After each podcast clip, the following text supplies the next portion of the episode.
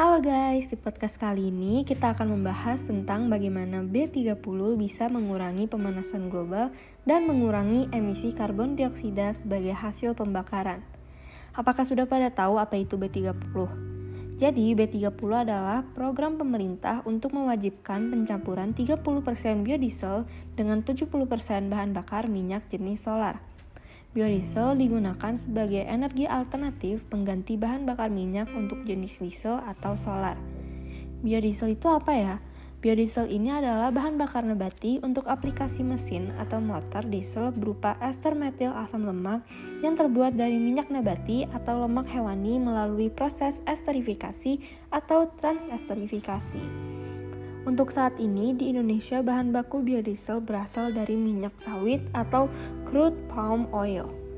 Proses pembuatan biodiesel umumnya menggunakan reaksi metanolisis atau transesterifikasi dengan metanol, yaitu reaksi antara minyak nabati dengan metanol dibantu katalis basa untuk menghasilkan campuran ester metil asam lemak dengan produk ikutan gliserol.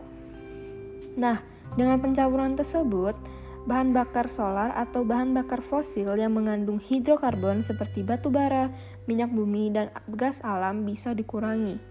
Kenapa harus dikurangin ya? Itu karena pembakaran sempurna bahan bakar hidrokarbon yang terdapat di bahan bakar solar dapat menghasilkan CO2 atau karbon dioksida yang menyebabkan pemanasan global. Kesimpulannya, dengan adanya B30, emisi karbon dioksida dapat berkurang karena bahan bakar fosil yang sebelumnya 100% menjadi 70% saja karena 30%-nya digantikan dengan biodiesel.